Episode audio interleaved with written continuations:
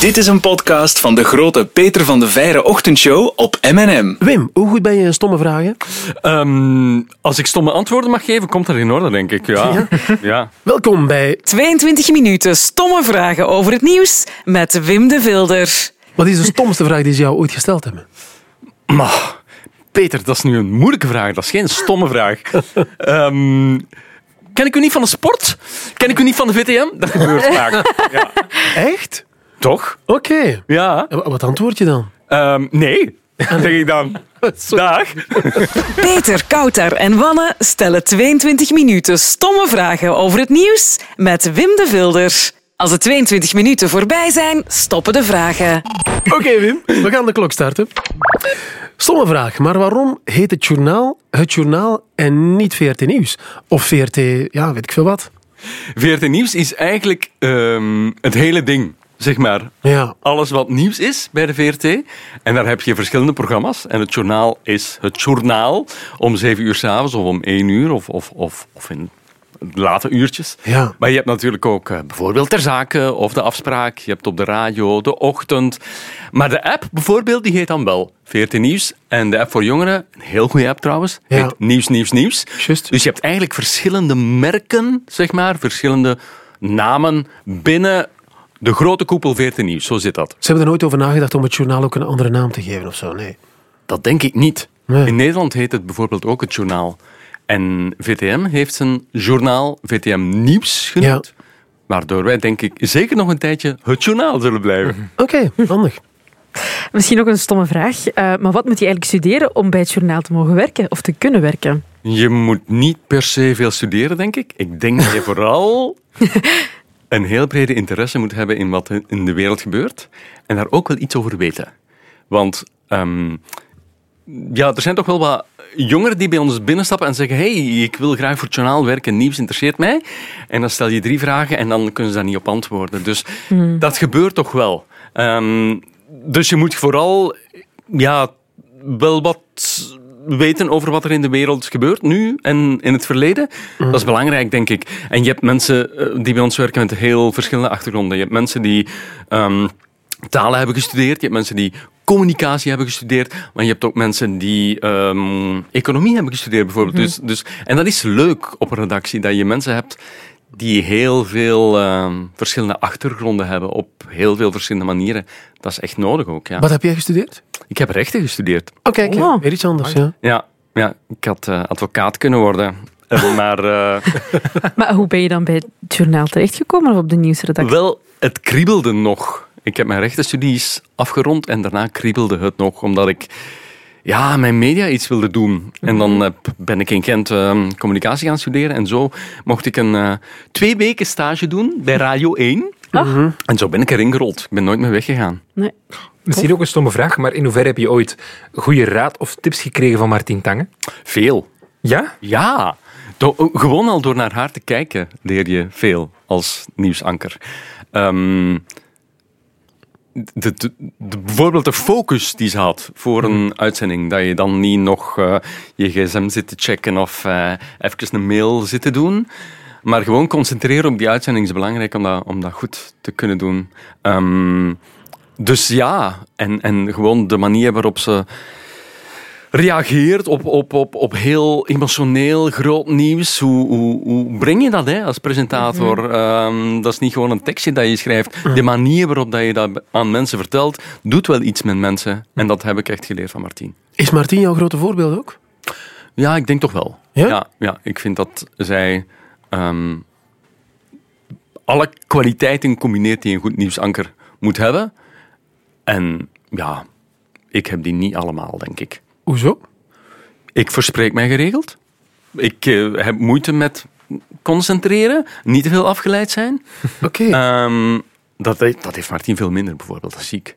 Eh, hoor je haar soms nog? Ja, En hoe ik is het ben ermee? onlangs met haar gaan wandelen. Goed. Ja, Oh. ze heeft heel veel dingen... eh, zo gaat het met gepensioneerden, hè? Die zijn vaak eh, heel druk. Eh, en ze is nu eh, bijvoorbeeld juryvoorzitter van een prijs voor kinderboeken, wat ze heel graag doet. Maar wat heel veel lezen vergt. Dus daar is ze nu mee bezig. Oké. Maar je toch had over moeilijke verhalen brengen. Welk nieuwsfeit was voor jou echt moeilijk om te brengen? Kan je zo op één ding komen, denk je? Ik denk wat er bij mij uitspringt is dan toch wel de dag van de aanslagen, 22 maart 2016. Toen ik de hele dag bijna in de studio heb gezeten om eh, nieuws ehm, te brengen. En dan verneem je dat samen met ehm, de kijkers. En dat maakt ook op ons wel veel indruk, moet ik zeggen. Dus d- ik weet nog dat ik s'avonds die uitzending heb afgesloten. En eigenlijk de kijkers ook eh, sterkte heb toegewenst. En dat had ik nooit eerder gedaan. Maar dat kwam eigenlijk heel spontaan.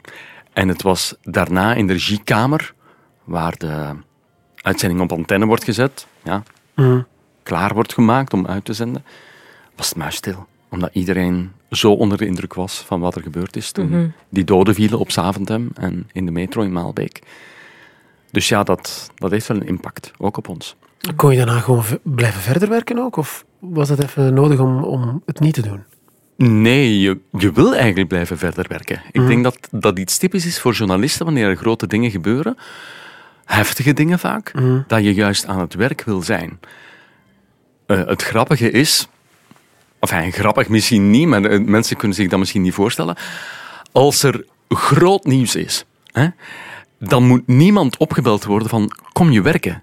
Mensen komen spontaan naar de redactie. Ah ja. Mensen willen niet thuis zijn, zeggen ik moet daar zijn. Ik ga... Dus er is nooit een gebrek aan volk wanneer er echt heftig nieuws is. Ja, mensen komen spontaan werken eigenlijk. Misschien het tegenovergestelde. Zijn er ooit al nieuwsfeiten geweest waarvan je echt je lach moest inhouden om het te vertellen? Ik kan me niet een nieuwsfeit eh, herinneren, maar wel situaties. Vooral wanneer de sportanker bij mij zit, dan is het vaak lastig om niet, eh, om niet te lachen. En dan helpt het wanneer een studiomeester in die, eh, in die journaalstudio zit, die dan zegt nog 10 seconden en je bent in beeld. Hè? Dat horen we dan wanneer jullie thuis of mensen thuis een, een, een verslag zien, een beeldverslag.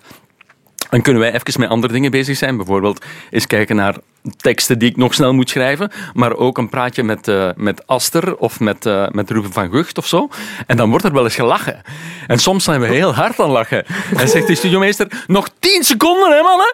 Nog tien seconden. En dan gezicht in de plooi en dan, ja. Terug serieus. Sterk. Ehm, wat was het eerste nieuwsfeit dat je ooit gebracht hebt, Wim? Moet iets heel saais geweest zijn. Ik weet het eigenlijk niet meer. Iets over een eh, afvalverwerkingsbedrijf of zoiets. Het was, ja, het was, was, was een interview op de radio en het, eh, het is niet memorabel, Peter. Nee, maar je weet het nog wel. Maar wanneer was het eigenlijk? Eh, dat moet geweest zijn... Wacht, hè. Ergens 1996, 1997? Ja. Toen, de vorige- Even, even terug. Even vorige terug. eeuw? De vorige eeuw, het einde van de vorige eeuw. Eh, misschien nog een stomme vraag. Wim, maar zijn mensen soms kwaad op jou over de inhoud die je brengt tijdens het nieuws? Ja. Ja? Ja. Ehm, ik krijg wel eens boze mails omdat er mensen zijn die vinden dat ik eh, de verkeerde vragen stel. Of aan een politicus die bij mij zit te gemakkelijke vragen stel. Of te moeilijke vragen stel. Ehm, waardoor mensen denken dat je voor ingenomen bent. En ik probeer dan altijd uit te leggen dat journalisten eigenlijk op welk moment kritische vragen moeten stellen. Altijd met een kritische blik kijken naar de wereld, naar wat mensen jou vertellen, naar beelden die je ziet vandaag zelfs, want ook daar kan, kan je vandaag niet meer zeker zijn dat ze echt zijn. Dus je moet eigenlijk altijd een kritische ingesteldheid hebben, wie ook bij jou zit, of aan wie je ook vragen stelt. Dat is heel belangrijk. En mensen verwarren dat soms met je persoonlijke opinie, wat niet helemaal hetzelfde is. En hoe heftig zijn die reacties soms? Soms heel heftig, maar dat zullen jullie ook wel weten. Dat is. Twitter natuurlijk, hè. Dat, dat gebeurt bij jullie ook. Hè. Eh, dat je heftige reacties krijgt op Twitter, eh, maar soms ook in de mailbox. En soms stuur ik dan wel eens iets terug. soms iets vriendelijks, soms iets boos. Ehm, ja, en soms laat ik het gewoon over me heen gaan. Ja, Zo gaat dat, hè? ja dat Het is heeft waar. meestal geen zin om terug te sturen. Nee. Nee, Maar Ja. wel moedig. Maar ja, mensen schrikken soms als je iets terugstuurt. Ja, dat is waar. Denken van, oh, die heeft dat gelezen of wat. Ja. ja. In hoeverre mag je zelf meebeslissen over welk nieuws er verteld wordt? Ehm, als anker zit je eigenlijk niet bij het begin van eh, het maken van het nieuws. Dat gebeurt 's ochtends heel vroeg door een eindredacteur die een aantal lijnen uitzet. Die zegt, dit verhaal gaan we coveren, dat verhaal, daar wil ik iemand naartoe sturen en zo meer.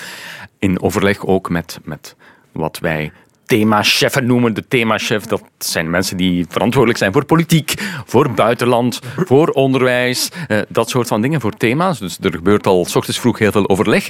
Maar naarmate de dag vordert, heb ik wel meer en meer inspraak. Omdat ik degene ben die het moet brengen, moet vertellen aan mensen.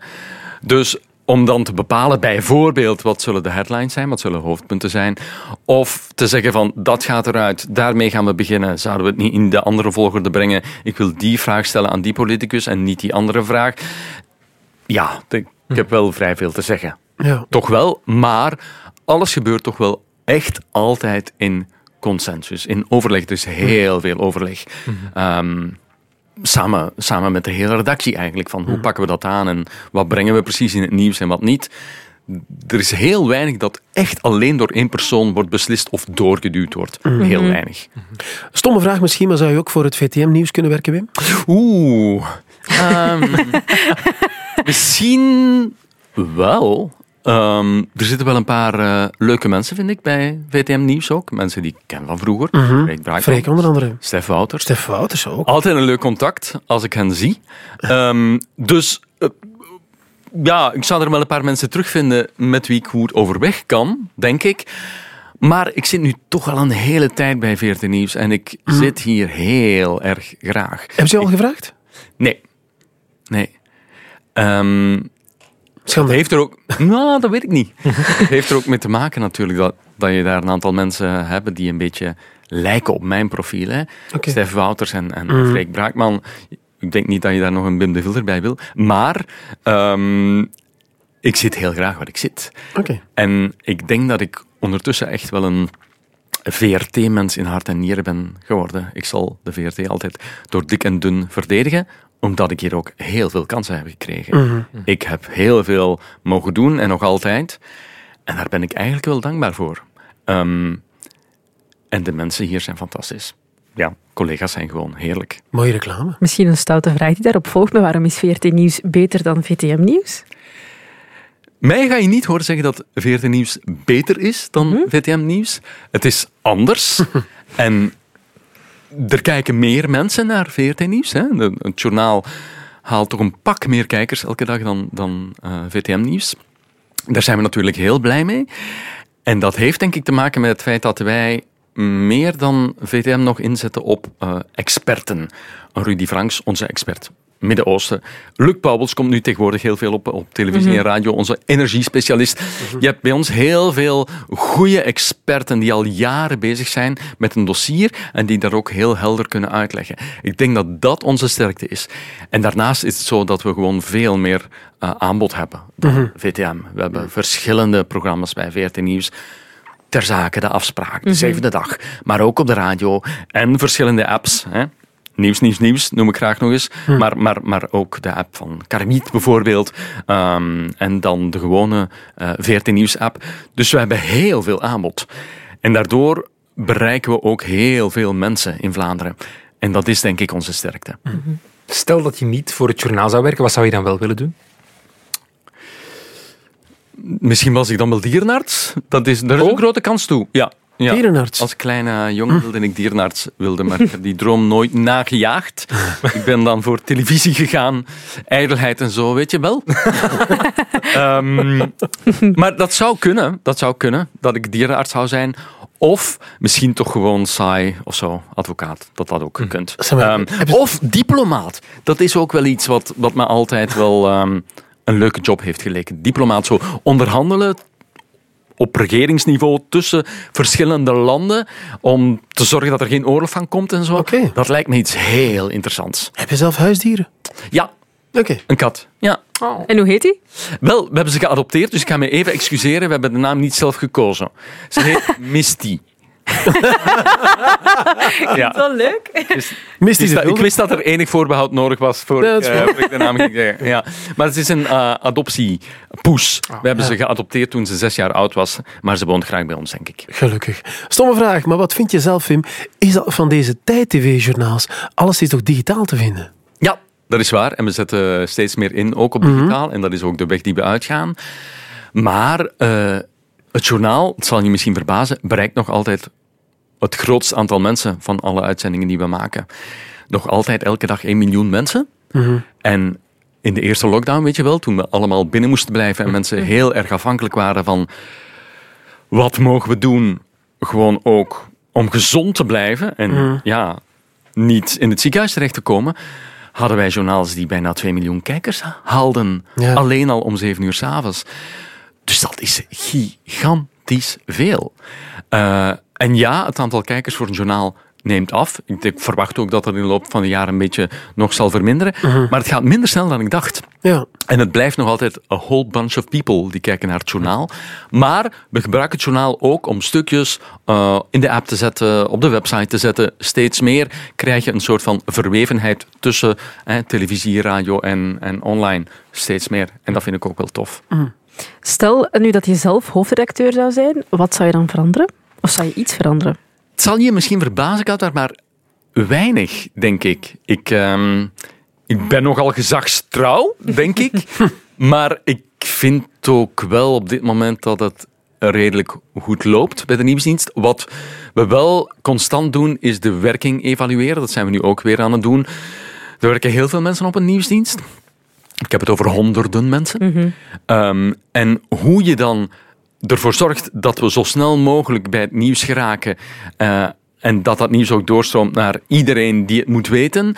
Dat is altijd een gehassel. Want ja, je moet heel veel mensen informeren op korte tijd. En wat zijn de kortste lijnen, wat zijn de beste lijnen om dat te doen? Wie neemt de beslissingen op welk niveau? In overleg met wie en zo verder. Wanneer moeten we vergaderen, wanneer niet? Dat, dat zijn processen. Dat is nu een lelijk woord. Maar zo is het wel een beetje, voel ik het wel een beetje aan. Dat we eigenlijk altijd voortdurend opnieuw moeten bedenken van is dit nu de beste manier waarop we nu aan het werken zijn? En dat zijn we ook nu weer aan het doen. Maar dat is een beetje interne keuken. Ehm, maar dat is ook nodig, hè? Ja. Ervoor zorgen dat je goed eh, operationeel blijft, hè? Dat je up and running blijft. Ja, zodat je goede dingen kan maken. Misschien een stomme vraag, maar ben je ooit al tijdens een reportage naar het toilet gespurt? Nee. Nee? Nee. Ook nog nooit gemoeten dat je dacht van, oh, nu Maar nee, ja, raar hè? Ja. Eigenlijk misschien wel een beetje. Ik ga wel altijd even, eh Wannes, vlak voor ik de studio in ga. Dat is een goede tip. oké. Ik weet niet of jij dat ook doet. Maar als je zo denkt van... Wij gaan gewoon Ja, tijdens de oké. show. Ja, dat is waar. Tijdens een, eh, tijdens een song of zo kunnen jullie gewoon naar het toilet even induiken natuurlijk. Dat, ja, dat is altijd risicovol hè, bij ons. Dat duurt maar twee minuten. Zet je terug op twee minuten. Is kort, hè? Dat is kort. Dus ik zorg altijd even dat ik eh, gaan plassen ben vlak voor het journaal eh, begint. Ja. En het is, er zijn nog geen rampen van gekomen. Zijn er nog andere rituelen die je hebt voor een uitzending? Buiten naar het toilet gaan? Ik probeer zo weinig mogelijk rituelen te hebben. Want als er dan iets niet goed is gegaan, dan ligt dat al dan niet aan het hebben uitgevoerd van een ritueel. Ik probeer dat bewust te doorbreken, om zo niet bijgelovig te worden. Moet je als eh, nieuwsanker rekening houden met bepaalde richtlijnen buiten je job? Als je dan gewoon op café gaat bijvoorbeeld. Of, eh, Dat valt eigenlijk of let je daar onbewust op misschien? Ja, mm, ik let daar wel onbewust op, denk ik. Ik, ik merk eigenlijk dat ik eh, het, het, het, het meest ongeremd eh, ben als ik in het buitenland ben. Dan denk ik van niemand kent mij en dan is het altijd schrikken als je dan toch, toch zo ja, erkend wordt. Hé, hey, ja, Wim, ja. Eh, dan ben je er niet op voorbereid. Eh, en dan, ja, maar Ik dat valt je- wel mee, Peter. Ik weet dat je Oh, plots een gênante situatie voor je oog hebt.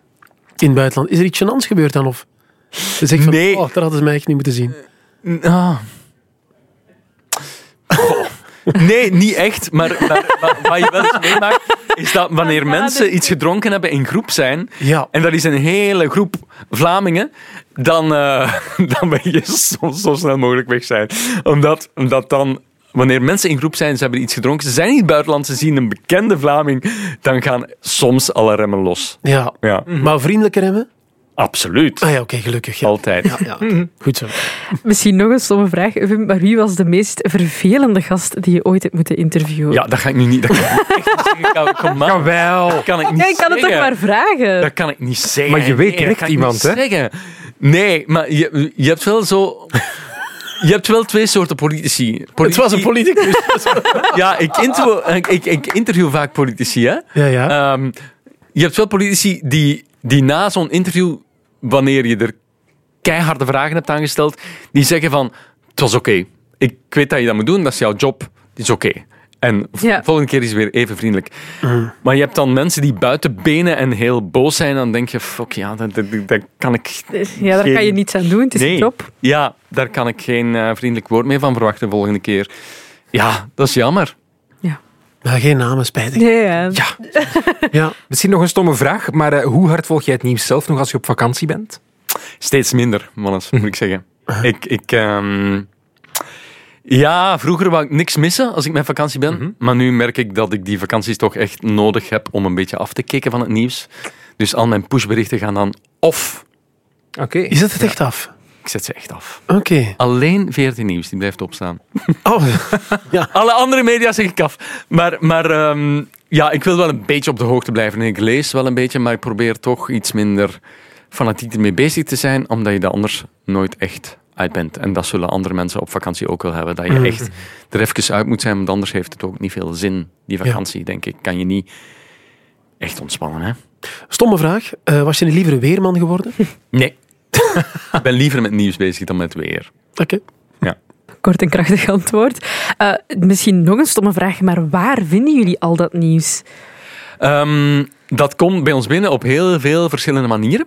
Wij zijn eigenlijk ehm, geabonneerd op ehm, ja, nieuwsagentschappen, noemen ze dat. Dat zijn heel grote nieuwsdiensten, eh, overal ter wereld, die ons berichten doorsturen van wat er in de wereld gaande is. Bijvoorbeeld Reuters is een heel groot Brits nieuwsagentschap. AP is Associated Press, een heel groot Amerikaans nieuwsagentschap. Die hebben mannetjes en vrouwtjes overal in de wereld. En die produceren voortdurend korte nieuwsberichtjes waar wij op geabonneerd zijn. En je moet je dat voorstellen als een soort van stroom van mails die binnenkomt met allemaal nieuws. In eh Guinea-Bissau is dat gebeurd. In eh, Aruba is dat gebeurd. Ik zeg maar wat. Ehm, maar ook bij de Amerikaanse presidentsverkiezingen, bijvoorbeeld, gebruiken we die nieuwsbronnen. Maar dan sturen we zelf ook iemand ter plaatse. Dus hoe belangrijker het nieuws is, hoe meer we ook mensen die bij ons werken ter plaatse zullen sturen. Zodanig dat je verschillende nieuwsbronnen hebt. En, en hoe belangrijker het nieuws, hoe meer, hoe meer nieuwsbronnen dat je wil hebben. Ehm, dus zo gebeurt het eigenlijk. Het nieuws uit het buitenland komt bij ons binnen. Maar nieuws uit het binnenland, dat komt bij, bij, bij onze experts, bij onze ehm, journalisten rechtstreeks binnen in de mailbox bijna. Ehm, ja, en dat was het denk ik. Hè? Waren het stomme vragen of waren het eh, stomme antwoorden? Ik vond het boeiende antwoorden. Boeiend. Ja. Dat is voor de luisteraar.